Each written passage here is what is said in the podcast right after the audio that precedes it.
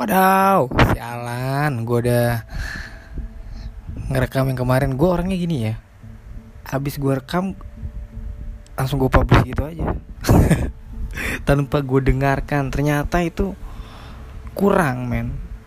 Maksudnya dalam arti, dalam arti kurang maksudnya itu gak bagus suaranya, soalnya gak bagus.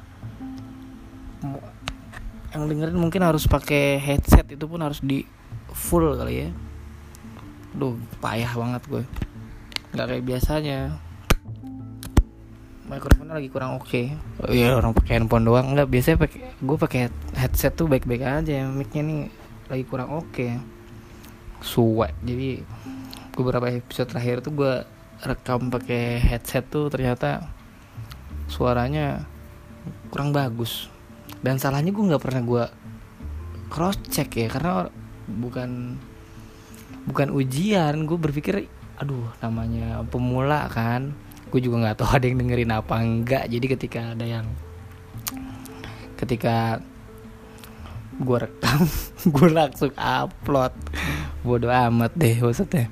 Di situ gue nggak mikirin suaranya gimana ceritanya juga nggak ada yang gue trim nggak ada yang gue cut gitu nggak ada yang gue perlu edit edit jadi gue ngoceh aja langsung gue publish aja ternyata sialan suara yang dihasilkan jelek banget. Tapi nggak apa-apa di sini gue mencoba untuk merekam lagi bercerita lagi horor lagi. Kenapa? Karena memang katanya itu lagi naik daun ya. Wah horor kok naik daun? Enggak maksudnya orang lagi banyak yang tertarik sama yang namanya konten-konten horor yang menegangkan, memacu adrenalin. Jadi emang masyarakat kita itu memang sukanya tuh memacu adrenalin. Makanan berbau horor yang pedas-pedas. Katanya biar memacu adrenalin. Sampai bikin konten pun yang seram-seram. Katanya biar memacu adrenalin. Tunggu sebentar. Nah ini gue kalau ngerekam gini namanya masih pakai handphone ya, belum profesional. Asik. Penting kan gue berpikir isinya ya, isinya juga nggak bagus. Tapi gue di sini mencoba untuk menuangkan asik apa yang ada di dalam pikiran gue dan hati gue asik. Gak juga sih ini balik lagi uh, cerita horor kali ini konten horor kali ini yang pengen gue ceritain yaitu berdasarkan pengalaman pribadi. Pengalaman pribadi yang gue alamin ya, maksudnya ya iyalah pengalaman pribadi kan berdasarkan gue alamin. Ya di episode sebelumnya yang bercerita tentang horor yang gue kemasukan itu gue belum menjelaskan bagaimana diri gue dari kecil memang sudah terbiasa untuk uh, mengalami hal-hal yang mistis. Kenapa?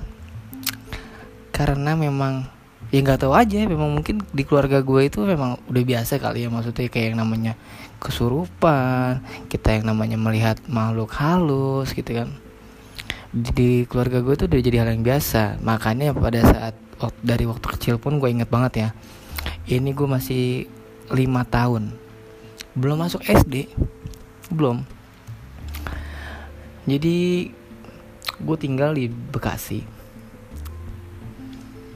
Usia gue dengan abang gue uh, terpaut lima tahun pada saat uh, ya kan. jadi pada saat itu abang gue udah cukup ya lumayan lah udah SD dia. Biasa di daerah rumah gue itu ada yang jualan nasi uduk ketika pagi. Cuman ketika malam datang menjemput. Loh jadi nyanyi. Nggak jadi ketika malam si tukang nasi uduk ini malah uh, dia jualan gorengan. Kayak tempe mendoan ya kan bakwan. Intinya gorengan aja lah. Nggak nggak sama nasi uduknya. Dan lauk lauk nasi uduk pun nggak dia jual dia cuma jualan gorengan tok aja malam. Dan yang jadi utamanya itu biasanya si tempe itu sendiri biasanya ya nggak tahu kalau untuk yang beli gorengan lainnya cuman kalau keluarga gue biasanya beli tempenya aja. Tapi untuk sekarang orang udah nggak ada. Udah meninggal jadi udah lumayan lama lah nggak jualan. Tapi untuk balik lagi ke usia gue pada saat itu lima tahun abang gue disuruh beli gorengan pada saat itu masih sekitar jam 7 jam 8 ya masih masih sore lah. Untuk dibilang malam tuh pada saat itu enggak karena zaman dulu tuh malam tuh masih suka main ya kan? Anak-anak tuh masih suka yang namanya entah main bola main tak umpet main benteng masih suka main lah malam-malam. Jadi pada saat jam 7 jam 8 pada saat dulu tuh belum dibilang belum dibilang bisa dibilang malam ya nggak nggak sepi juga jadi nggak ngerasa horor juga. Cuman di satu ketika gue lupa harinya yang jelas waktu itu usia gue masih lima tahun ya belum SD itu momen yang masih gue ingat sampai saat ini. Karena posisinya gue nggak tahu sih pohonnya masih ada atau enggak nanti next time mungkin ketika gue balik ke rumah nyokap gue bakal lihat ngecek ya masih ada apa enggak pohonnya. Gue lupa sih. Yang jelas yang nempatin rumah itu dulu namanya teman gue itu Alvin. Cuman kayaknya belum lahir waktu itu gue eh waktu gue lima tahun tuh nggak tahu dia belum lahir kayaknya dia. Jadi gue ke rumahnya eh ke rumahnya. Jadi gue nyokap tuh pada saat itu nyuruh gue beli nyuruh abang gue beli gorengan. Namanya Bu Pak Iman waktu itu. Namanya Pak namanya uh, nama si bapaknya itu Pak Iman yang jualannya itu si Bu Pak Iman itu istrinya yang aktif jualan yang bikin. Jadi malam itu gue disuruh abang gue disuruh dan kemudian abang gue ngajak gue buat nemenin dia beli gorengannya. Tapi pada saat itu gue ngerasa takut banget. Gue takut entah karena gue dulu takut udah bisa ngerasain atau belum gue nggak tahu. Yang jelas gue ngerasa pada saat itu karena cuacanya dingin bukan dingin ya merinding aja gue dingin merinding gitu. Jadi gue nunggu di sini aja. Waktu itu gue nunggu di salah satu rumah teman gue itu tadi Alvin depan rumahnya. Gue nunggu di depan rumahnya.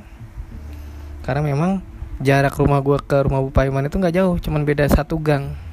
Cuman beda satu gang dekat jadi kita di situ jalan kaki tapi gue di situ ngerasa takut. Ngerasa takut. Karena ada gue ngerasa pada saat itu perasaan gue berbeda aja. Jadi gue nggak bisa ngungkapinnya sampai akhirnya gue me meminta untuk diri gue meminta untuk diri gue meminta buat gue nunggu di salah satu rumah teman gue aja rumah teman gue itu Alvin namanya. Dan kebetulan di rumahnya itu depan rumahnya itu ada pohon jambu kelutuk cuman gue nggak tahu masih ada sekarang apa enggak ya pohonnya tapi nek mungkin besok bakal gue coba fotoin uh,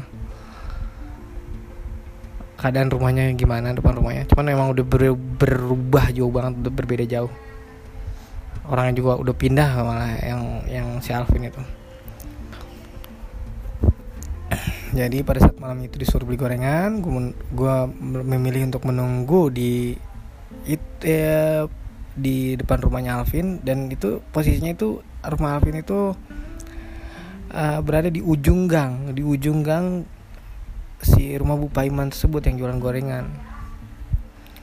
Jadi gue menunggu di ujung gang yang beda sekitar 5 eh beda sekitar 7 sampai 8 rumah baru kita sampai di rumah Bu Paiman pada saat itu ya.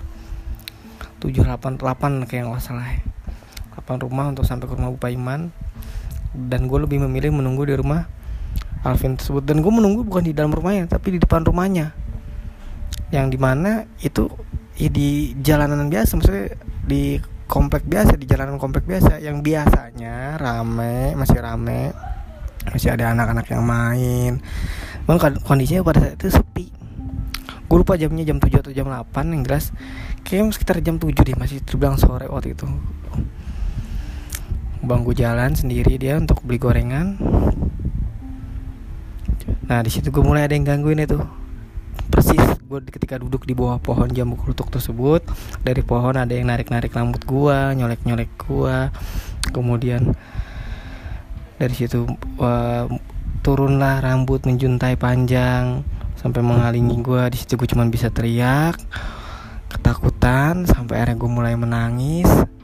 Baru dari situ ada beberapa rumah dari uh, sebelah rumahnya Alvin datang nolongin gue namanya Pak Cacang. Di situ nolongin gue yang lagi nangis.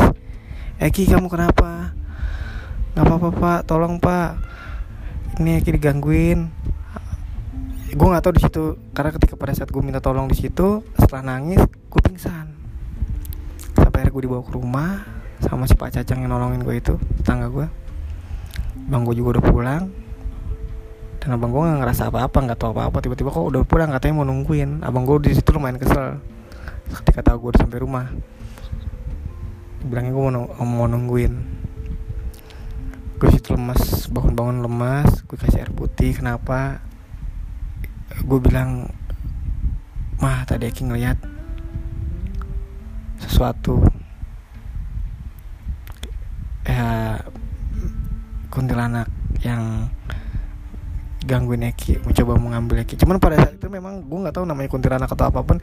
Yang jelas yang pada saat itu dulu lagi ngehits itu wewe gombel. Jadi gue merasa lagi uh, pada saat itu gue diganggu wewe gombel. Cuman uh, ketika gue tahu setelah besar itu namanya wewe gombel itu kuntilanak. Karena beda wujudnya ya. Wewe gombel setelah gue tahu seperti apa gitu oh iya, jadi wewe gombel seperti ini. Dari situ gue langsung tahu sadar tentang mengganggu gue itu kemudian besokannya gue lupa sehari atau dua hari kemudian gue lewat tempat uh, lewat depan rumahnya Alvin melihat ke pohon tersebut itu udah ada bekas cakar-cakaran. Cakaran dari si kuntilanak itu yang bekas gangguin gue pada malam itu. Karena pada saat sebelumnya itu masih mulus. Pohon jambu itu nggak ada garis-garis bekas cakaran. Ini persis ban banget garis-garis cakaran. Wow. Itu itu hal yang awal banget ketika gue kecil gue mendapatkan gangguan sampai akhirnya gue bisa apa ya bukan bisa maksudnya sensitif ke hal-hal yang lebih uh, hal-hal yang menyeramkan buat kata orang. Menurut gue juga menyeramkan sebenarnya cuman ya memang gue jadi jadi punya sedikit rasa yang lebih sensitif uh, dari orang lain ya biasanya gitu. Gue nggak ngerasa itu hal yang luar biasa gue merasa bukan itu juga gue nggak merasa suatu kelebihan tapi gue merasa justru suatu kekurangan. Karena gue merasakan hal yang orang lain biasa orang lain yang tidak rasakan gitu. Yang ya, karena ini yang dirasakan itu bukan suatu hal yang biasa atau bukan hal yang menyenangkan tapi hal yang menyeramkan menurut gue nah dari sejak umur lima tahun itu lumayan gue sering lebih sering melihat jadi lebih sensitif untuk merasakan adanya makhluk-makhluk lain dari situ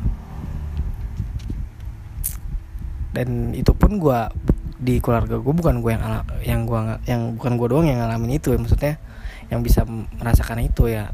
Kayak abang gue dia juga lebih sensitif ternyata untuk lebih merasakan hal-hal kayak gitu ketimbang gue sebenarnya. Adik gue gue justru lebih ke hal-hal yang lebih bukan perasaan ya bukan yang merasakan justru malah lebih ke gangguannya itu lebih ke yang tiba-tiba melihat itu. Atau tiba-tiba yang mendengar atau tiba-tiba yang mengalami kejadiannya atau yang kayak gitu.